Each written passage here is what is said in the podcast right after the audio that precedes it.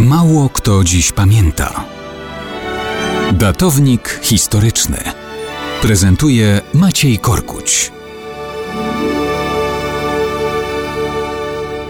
Mało kto dziś pamięta, że 14 listopada 1887 roku w rodzinie zasymilowanych Żydów, czyli urzędnika kolejowego Maurycego Monda i Salomei z domu Spanier, urodził się syn. Czuli się Polakami. Syn otrzymał imię Bernard. Przez całe życie będzie praktykującym katolikiem, ale i on i jego przyjaciele często będą wracać z humorem i respektem do ich żydowskich korzeni. Stąd i sam Piłsudski będzie o Bernardzie Mondzie, bo o nim mowa, mówił z uznaniem dzielny Żyd. Wiedział co mówi, bo Bernard Mond już w gimnazjum w Brodach odważnie prowadził działalność niepodległościową na wiele lat przed I wojną światową. Potem, już po obowiązkowej służbie w armii austriackiej, szkolił młodych chłopców w polskich drużynach bartoszowych. Studiował, pracował.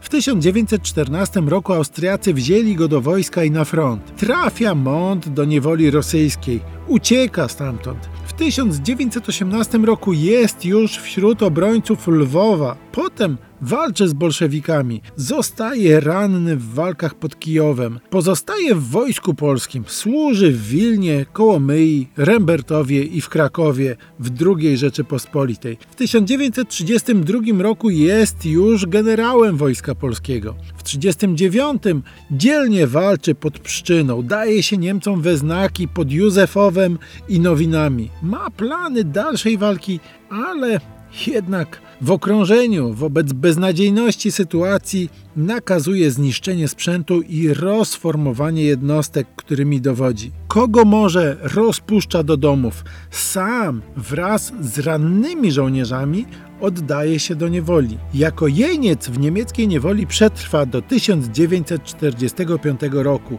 Z Francji wraca do Polski opanowanej przez komunistów. Próbuje pracować jako cywil, ale jest szykanowany, bo przecież jest dawnym sanacyjnym generałem. Zostaje zwolniony z pracy, umiera w 1957 roku i kończy żywot skromnie. Ale do ostatnich dni, kiedy Bernard Mont patrzy w lustro, zawsze może powiedzieć, że nigdy nie zawiódł podkomendnych i nigdy nie uchybił godności polskiego generała.